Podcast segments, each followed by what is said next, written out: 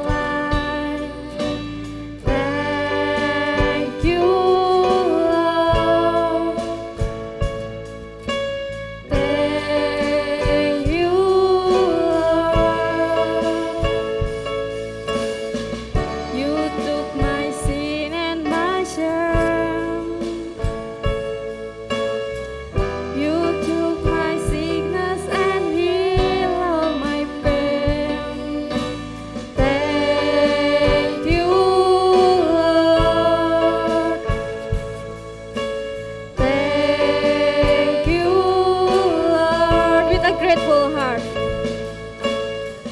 With a grateful heart, with a song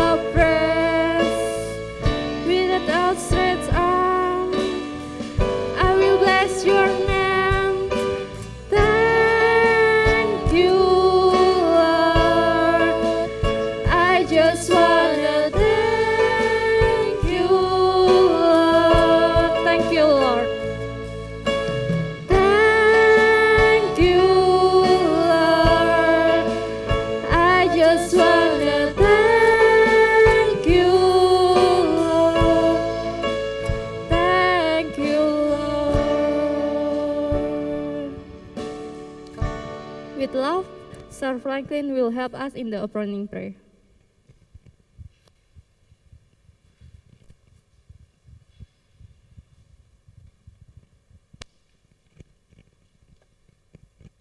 Let's pray. Our Father in heaven, thank you uh, because this morning we have the opportunity to gather here in your church to worship, to praise, to pray together. Thank you because this wonderful morning we have uh, the chance to uh, serve your name in the first place. Thank you, God. We want to start our service. Please bless all the uh, people who are participating in this uh, Sunday service, the preacher who are, who are going to uh, spread the gospel, the musicians, and everything we are going to do this morning. Please bless us so that we can be a bless to everyone.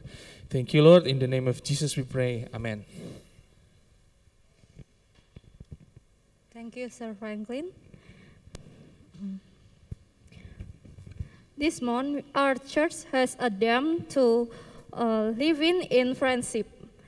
Uh, as a Christian, we have to uh, one in the bond of love. To end safeguard, let's continue our service. I call, I call you to stand up and sing a song. We are one in the band of love.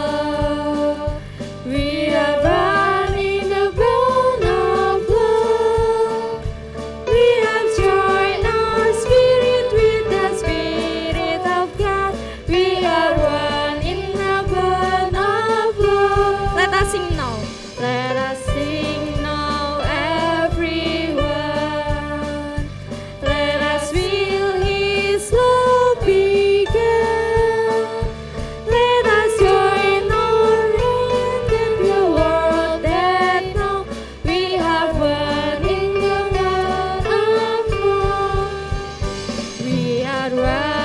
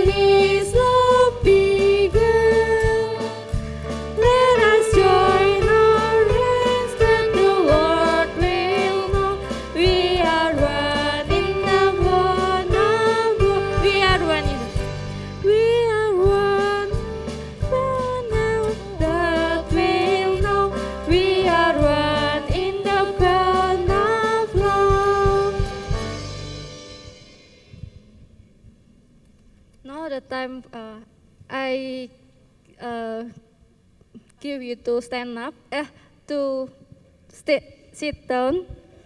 I'm sorry.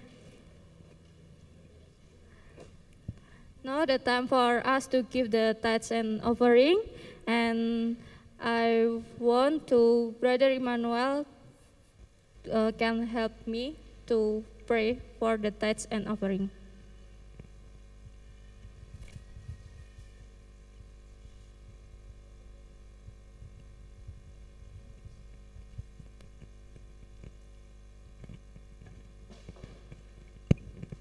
Let us pray. Uh, Father, Lord Jesus, we're so very thankful for your all your blessings and all your grace uh, throughout our life. And now we want to uh, giving you back uh, your tithes and offering. Uh, please take and use our tithes and offering today just to glorify your name and bless us. Uh, uh, and bless us with our work and um, whatever we uh, do in our life, so it can be uh, glorify your name also. Thank you, Lord Jesus. We pray. Amen.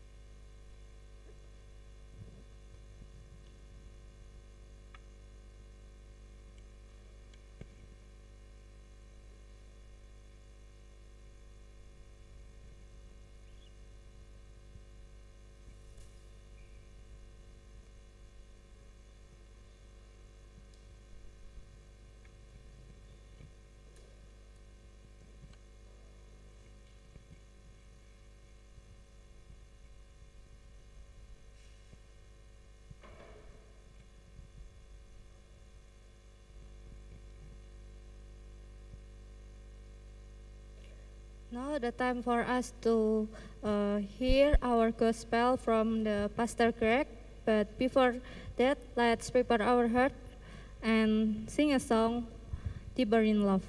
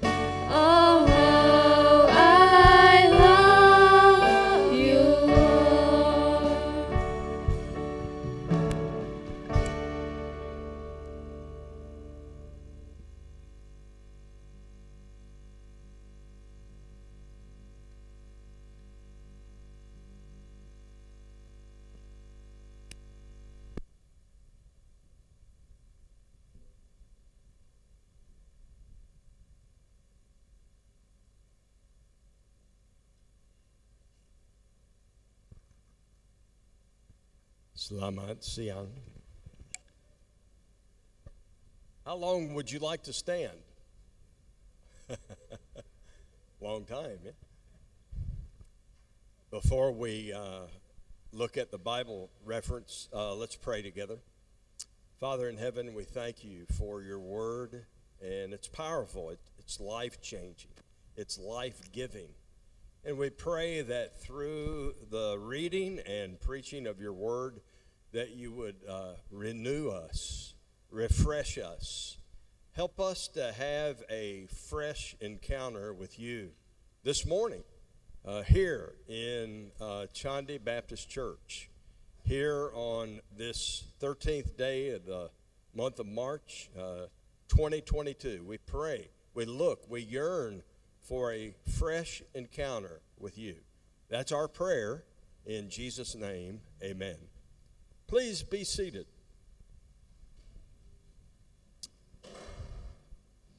So, uh, if you have a Bible, please turn to Joshua chapter 5. We'll be looking at Joshua chapter 5. If you know anything about the book of Joshua, you'll know it's about the story of the man that replaced the prophet Moses. And uh, as the replacement of Moses, Joshua was given a large task. And that task was to lead the children of Israel into the promised land, the land of Canaan. Now, if you remember right, uh, Moses led the children of Israel through the wilderness for a long time. How long did they go around and around in the wilderness? You remember? 40 years. 40 years. That's a long time. And most of them died in the wilderness. But there was a new generation. And this new generation was entrusted to Joshua. And Joshua's main task was to build, train, and bring the new generation into a new relationship, a relationship of love with Jehovah, God. And that's what his task was. And we see that beginning in chapter 1. And then by chapter 3, we see them crossing over the River Jordan into the land of Canaan. And before they attack the first city, what's the first city that they took hold of or attacked? You remember? It's the city of what? Joshua. Uh, I'm sorry. It's the city of Jericho. And Jericho was the first city that God was going to give into the hands of Joshua and the children of Israel. But first of all, they had to get their ears in tune to what God was going to tell them. And that, that's what brings us to chapter 5. Chapter 5 starts out by talking about circumcision. Now, what is circumcision? Well, let me just say it in Indonesian so everybody knows what we're talking about here. It's a little, little embarrassing, but it's sunatan, penyunatan, circumcision. And what is circumcision? Why is it so important? Because we see in chapter 5, verse 2. Look at verse 2. At that time, the Lord said to Joshua, Make flint knives and circumcise the Israelites again. So Joshua made flint knives and circumcised the Israelites at Gibeath Haaraloth. Now, up to this point, the new generation had not been circumcised. All the people who were in the wilderness and died off in the wilderness under Moses' leadership had been circumcised. But the new generation had not. And what they needed was a encounter with God a fresh encounter. After all, what is circumcision? Let me just define what it means, what the importance of circumcision is all about. Circumcision was a physical mark of a spiritual encounter that led to a new relationship with God. Let me just say that again because it's very important. A, a ceremony of circumcision was the cutting away of the flesh, and it was a mark that was left on a person that showed that there had been a inner spiritual experience, a spiritual revival, so to speak. And it pointed to a new relationship with God. And that's what we see happening in chapter 5. We see this outward mark that was placed on all of the Israelites. They were circumcised, but it pointed to a inner change, a spiritual experience that had that had been encountered by the Israelites that led to the changing of a life. And that's what we're going to be looking at as we read through this. Why is it we're talking about circumcision today? Because circumcision is an outward mark of a spiritual encounter that points to a changed life. For many, that happens during a spiritual revival. Uh, in 1970 to 1975, in the United States of America, there took place a spiritual revival, a spiritual awakening that's called the Jesus movement. And during this Jesus movement, there were millions of people that were changed. And the people that were changed that are still living today talk about how that time of spiritual change and spiritual encounter left a lasting mark on them. Just like circumcision left a mark physically that pointed to a spiritual encounter that led to a changed life, so the Jesus movement left its mark on many, many people. Next Tuesday, there'll be a special speaker that will be speaking on One Cry Indonesia. His name is Bill Elliff. And Bill Elliff uh, wrote many books on the experience that he had back during the Jesus movement, where his life and many, many of his friends' life uh, were transformed by the power of God. It left its mark on them that still lasts today. And that mark still is carried by them today.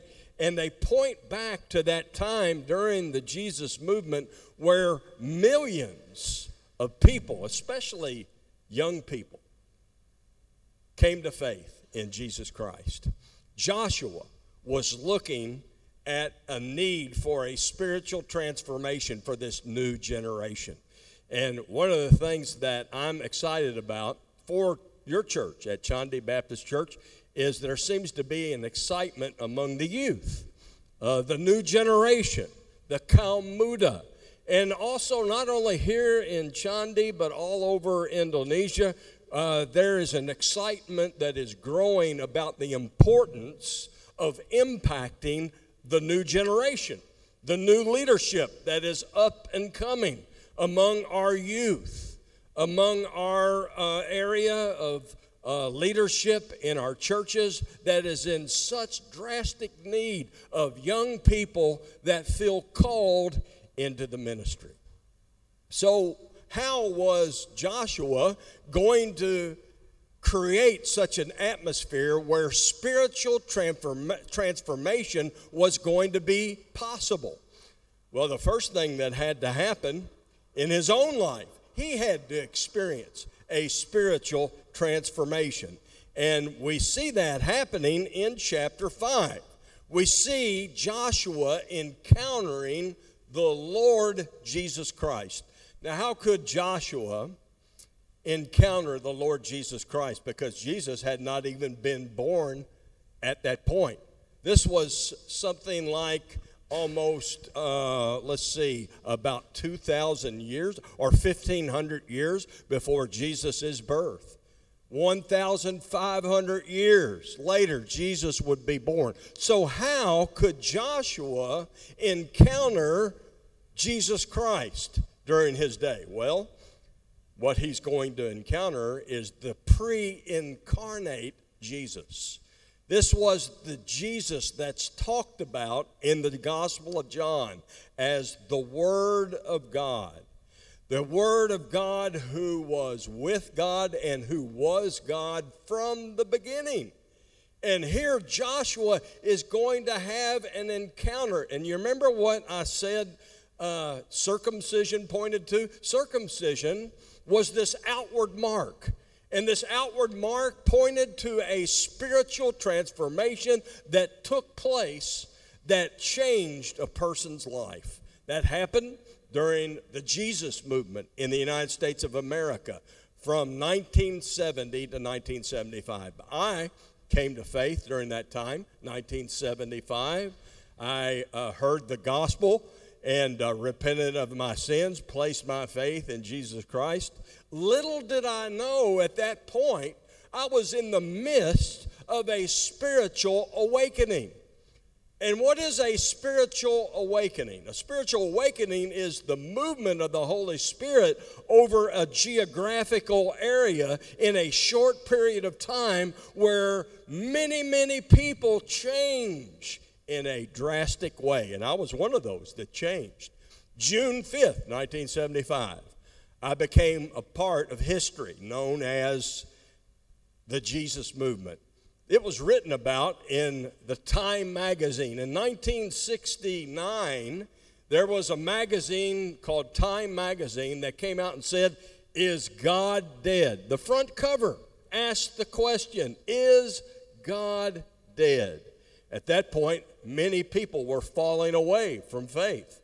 Many people were uh, feeling very angry because of the war in Vietnam that dragged on and many people lost their lives. There was spirit, there was political chaos. There was ethnic tension. There was fighting in the streets. And then the Jesus movement happened in 1970.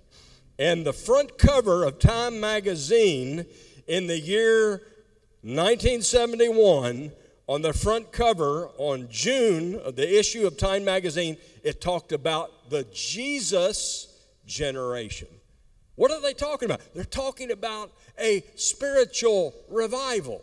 They're talking about this uh, spiritual awakening that swept across the United States where we found many, many people transformed by the power of God. And the people that were part of that, it left its mark on them. Just like when the people of Israel were circumcised, it was a mark, an outward mark that pointed to an inner reality, an inner change that was a transformation that took place because of the power of the Holy Spirit transforming their life. As we come to this passage, I want us to look closely at this encounter that Joshua had. Because you see, Joshua was given the task of preparing a new generation. Well, how could he prepare a new generation? You know, a lot of times we think about how can we change the lives of our youth, the younger generation in our churches. Do we need a new government? Do we need a, a better political party? Do we need a better uh, Wi Fi system? Uh, there are a lot of people that say if we only had a better Wi Fi system, we could get on the internet and our internet would be lebi chapat, it would be faster. Oh, that's the, no, that's not the solution. What we need is not a better government or better educational program. We don't need a better internet system. What we need is a powerful encounter, a fresh encounter with the risen Lord Jesus Christ. Because you see, God was preparing his servant who was his servant at this point? Moses had died, but he was preparing his replacement, Joshua, to lead the people of Israel. And what better way to lead the people of Israel and to get this new generation ready to be obedient? Obedient to the point that they would be such a transformed people that they would transform not only their own lives, they were about to transform the whole culture. You see, that's what revival does. Revival, true revival, not only transforms the person, it transforms the lives of churches, whole churches, and it even transforms the life of a community.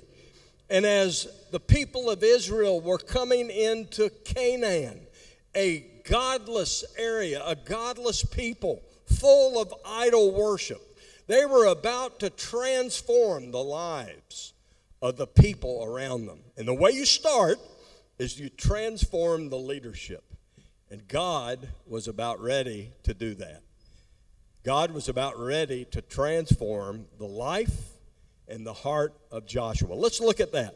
Chapter 5, the book of Joshua. Joshua chapter 5. Do you have it? I'm going to read in the Revised Standard Version. Is it on the board? No. I guess not. Okay, I'm going to just read it.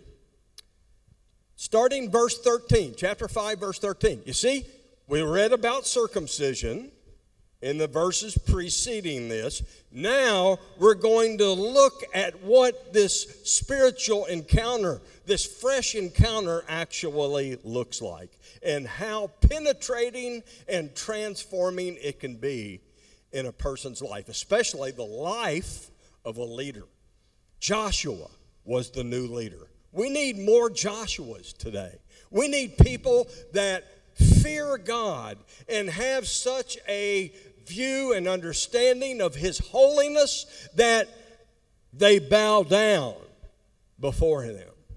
We call that tersunkur di hadapan Tuhan, where you lie prostrate because you've encountered the Holy One of Israel. That's what Joshua was about ready to do.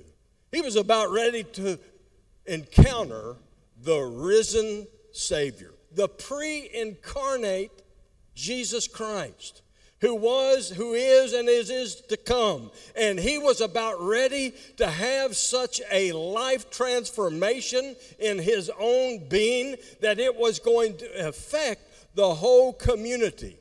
Not only the Israelites, but even the Canaanites, the Girgashites, the Gibeonites, and all those that were in the land during that time, even the termites.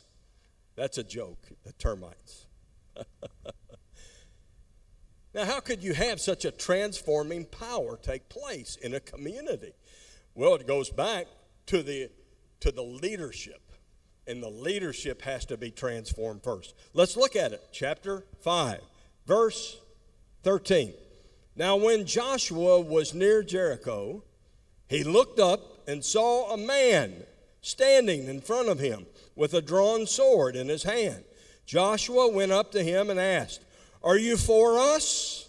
Or are you for our enemy? So, first of all, what did Joshua see?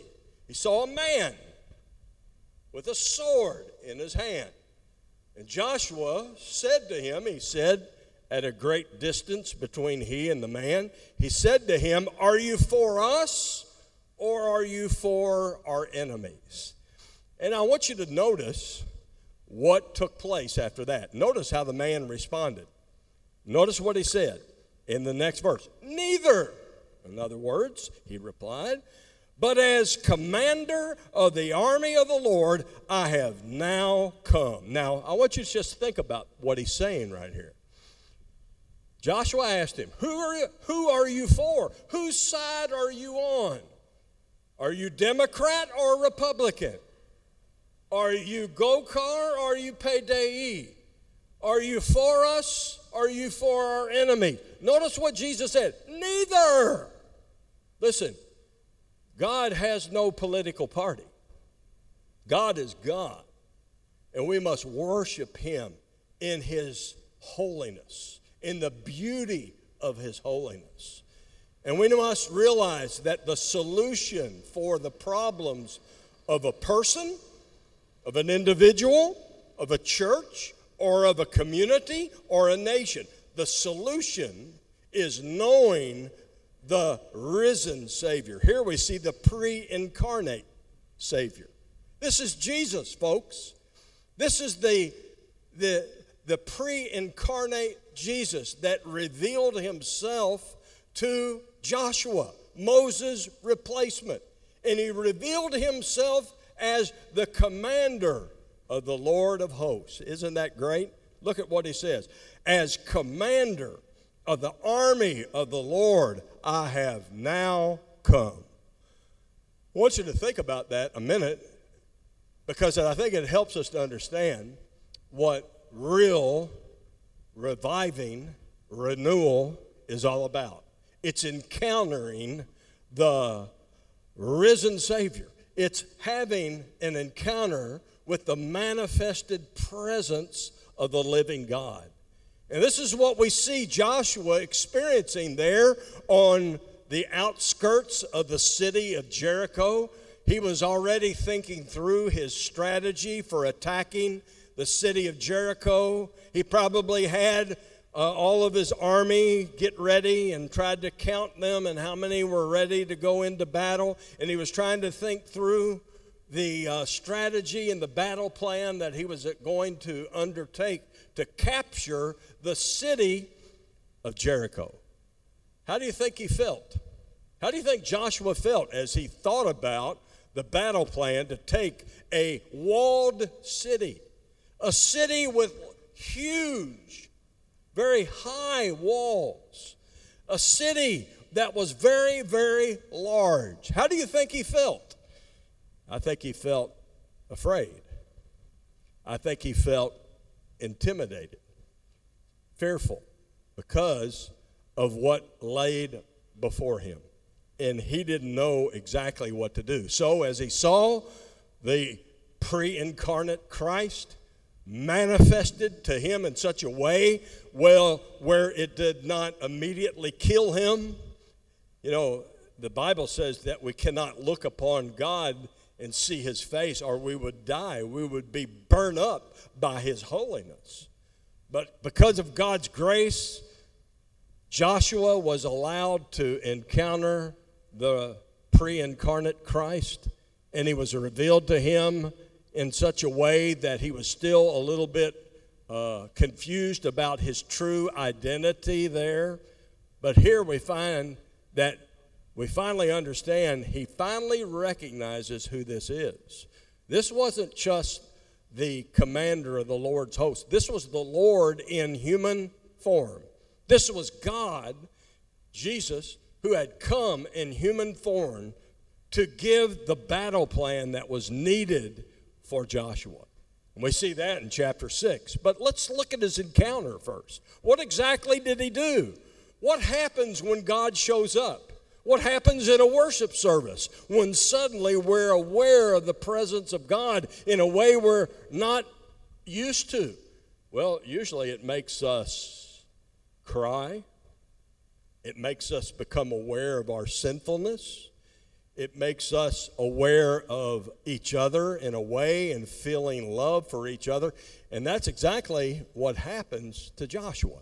The first thing is that he becomes so aware of his own sinfulness.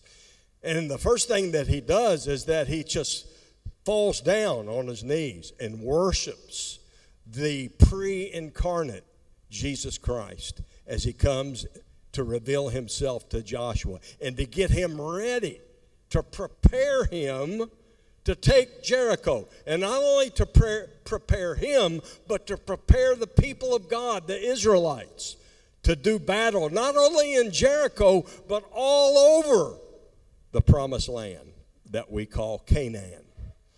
Well, look at what he did. Chapter 5, verse 14.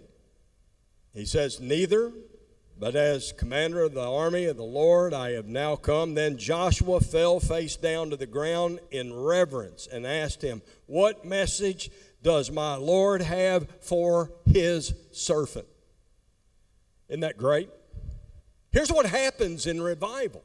Here's what takes place when you encounter God in such a way, where you have this manifested presence of God.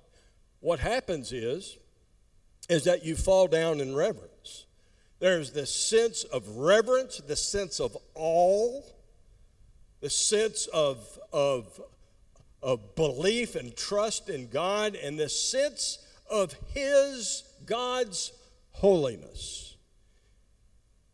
Let me just ask you a question. Have you ever experienced the holiness of God like Isaiah or like Joshua in chapter 5? Have you ever experienced God's holiness? How does it make you feel? It leaves us, all of us, if you've really experienced the holiness and the majesty of God, it leaves us crying out, Woe is me! Woe is me! Why do we say that? Because we are people of unclean lips. We are a people that are so sinful. When you experience the holiness of God, you become increasingly aware of your own sinfulness in your own life. And that's why we see Joshua doing what he did. He fell to the ground in reverence. Then he asked, What message does my Lord have for his servant? You see what happens when you experience the holiness of God? When you encounter the Holy One of Israel, you immediately acknowledge him as Lord. We see that in this verse. No longer does he call him the captain of the Lord's army. He doesn't call him an angel, but he calls him what? Lord. And as we encounter God in this manifested presence moment where we become aware of our own sinfulness and we're aware of His presence and His holiness and His majesty, His sovereignty. We become aware of that, then we say, Lord, Lord, Lord. What's that mean? It means, Lord, here I am. I'm ready to do whatever you want me to do. Listen, when you acknowledge Jesus as Lord. What's that mean? It means that you have submitted your life in such a way that you're ready to do whatever He wants you to do. Amen? It means you're ready to be obedient. It, it means that you're ready to do whatever He commands. If you love me, Jesus said, you'll obey my commandments. And we see here in this passage that happening in the heart of Joshua. And that's exactly the position that God wanted Joshua in so he could use him. Use him to accomplish many great things. Use him to capture not just one city, not just Jericho, many cities all over the southern part of Canaan, the northern part of Canaan, all over Canaan. All these cities were going to be given to the people of Israel. Why? Because their leader had come to that point in his life where he had submitted his life to the lordship of Christ. Where he said, Lord, what, what is it you want me to do? Isn't that what he says? In verse chapter 5, what message does my Lord have for his servant? In other words, what's your command? What's your message? Now, I love this next part. I love this next part. And uh, I want you to stand up for a minute. Everybody stand up. Okay? And right now, what I want you to do as you stand up, I want you to take your shoes off. Take your shoes off. Ane, Pak Greg, any Ane Sakale, Why? Why? That's what that's what that's what God told Joshua to do take your shoes off because this is holy ground. Why would it be holy? It wasn't so much the ground was holy, but it, it was holy. It was holy because Joshua was encountering the Holy One of Israel. He was encountering the pre incarnate Jesus Christ who had come to earth to get him ready to prepare a new generation. And you know what we need to do as leaders? Pak Human, Pak Raymond, Pak Eko, saya sendiri. We need to take our shoes off and acknowledge God is holy, God is sovereign, Jesus is Lord. And we need to respond in response to His holiness. Lord, what is it you want me to do? What is it you want me to do? You can put your shoes back on now. I'm going to leave mine off. If you want to leave your shoes off, go ahead. And uh, just know, uh, sila kan dudu. I don't want anybody selling somebody's shoes. No fair. Tidak boleh menjual sepatu Pak Greg, ya. Atau Pak Raymond. Yeah? I want you to I want you to read that verse, that last verse, just one more verse, one more verse, and that's all. I'm finished. One more verse. In chapter 5, look at verse 15. The commander of the Lord's army replied, Who's the, Who is the commander of the Lord's army? That's Jesus. That's the pre incarnate Jesus. This was before Jesus became a baby. This is when he was in heaven with the Father and the Spirit. And here he became God's messenger, the Father's messenger, to get the people of Israel ready, to get them prepared, to not only have their their flesh circumcised, but they needed a fresh encounter, a spiritual encounter that pointed to a, a new person, a new reality. And notice what he says take off your sandals, for the place where you're standing is holy. Yeah? Just like you took your sandals off. And you know what? Here's what I like. This is the part I like. And Joshua did so. Okay? Let's let's memorize that verse, that last part. And Joshua did so. Four words, very easy. Let's let's memorize it. And Joshua did so. Satu, dua, tiga. And Joshua did so. Wow. Nobody, nobody helped me. Please help me. Once again. And Joshua did so. Satu, dua, tiga. Mantap sekali. Try again. One, two, three. I could hear Ibu Shelley, and I could hear maybe one or two others. I want you to say it loud, loud, loud, loud, okay? Loud. Cross. One, two, three. And Joshua did so. You know what that means? It means he obeyed. And at that moment, at that moment, God knew he could entrust his mission into the hands of his leader because Joshua was ready to obey, no matter what the command was. And as you read chapter 6, as he gives him the instructions to take the city of Jericho, he's going to give him some very, very strange instructions. But the point is, now he was in tune to the voice of God. Listen, listen. When you say, God, I want to be obedient to you, I'm ready, you know what happens? We become aware of his presence through the power of the Holy Spirit in our life. We become sensitive to the promptings of the Holy Spirit. The bisik bisik Roh Kudus. What? How does that happen? It takes a person who's saying, I'm willing to obey, just like, just like Joshua did. And then as you read on, it's not good to stop here, but you should read on. You should read on to chapter 6.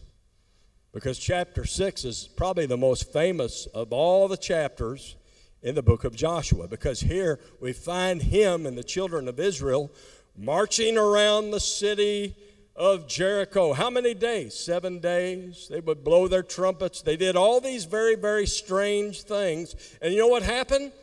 The walls came down. And it wasn't so much that the strategy was the key. We always talk about what's the strategy? What's the method? What's the new method you're using? It wasn't about the method. It wasn't about this new strategy. The key was what? You had a leader who was obedient to the Lord. You had a leader whose ears were in tune with the Father. And when the Father spoke, then they were able to hear and understand. And we see that happening in chapter 6. And as he moved out in obedience to what God was telling him to do, God gave him that first city that they encountered the city of Jericho. God is preparing a new generation. And whether we want to or not, we have to prepare the generation to be a generation that is obedient to God. A generation that is able to hear God's promptings. How does that happen? It doesn't happen by accident. I think where it happens is that somewhere along the lines, we need that spiritual encounter, that f- we need a fresh encounter of the manifested presence of God. And as we do, as we encounter the risen Savior, yeah, as we encounter Jesus as he truly is, in his majesty and his holiness, it leaves us saying, hey, Lord, holy, holy, holy. And I am a man of unclean lips, and we live in the presence of an unclean generation. Lord, help me. What am I to do? And the Lord is looking for a person like Joshua, like Moses, like Isaiah, who says, Lord, here I am, you send me. I'll be your, per- I'll be your leader. I'll be the person that you use to change a people, to create a new people and call them a new generation. It happened in America 51 years ago, and it changed the nation. And we're praying for the same thing to happen. Not only in America, we're praying for that in Indonesia. We pray every night that God would raise up new leaders, that God would call leaders into the ministry and send them to seminaries like Este Bay to get trained, to be equipped to do the work of ministry. We're praying that God would send forth the laborers into the harvest that is ripe unto harvest. The harvest is ripe, but the laborers are few. So pray to the Lord of the harvest that he had sent forth workers. You know what, what else we're praying for? Every night, every night, we're praying for 100,000 people to be saved this year, 2022. 2022. 100,000. Are they going to be Baptists? Maybe, maybe not. The important thing, we want 100,000 souls to be saved in Indonesia. Amen, Pak Eko? Pasti. Setuju, yeah? 100,000. Well, you need a miracle. Exactly. And we're praying that God would get that. We got all kinds of people praying for that. Every day, every night, we're praying for that.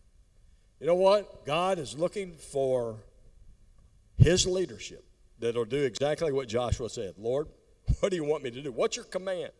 Tell me what to do. And God had put him in a position where God could now use him in a great go, in a great way. And he's doing the same thing right now. He's looking for leaders. He's looking for leaders that say, Lord, whatever you want me to do, I recognize you as Lord. You are holy. You are the thrice holy God of Israel. I'm ready to be used. Now use me for your glory. Let's pray. Father in heaven, thank you for this passage. A rather strange passage about circumcision, a rather strange passage about Joshua having this encounter with the pre incarnate Jesus before he went into battle on the battle of Jericho. But Lord, it's so important for us here this morning that we'd get a glimpse of your glory, that we would have a fresh encounter with your presence, your manifested presence, in such a way that it would change us and put us in a position where we're usable. We're usable for your glory and for your kingdom pers- purposes. That's our prayer for this group here this morning. In Jesus' name, amen and amen.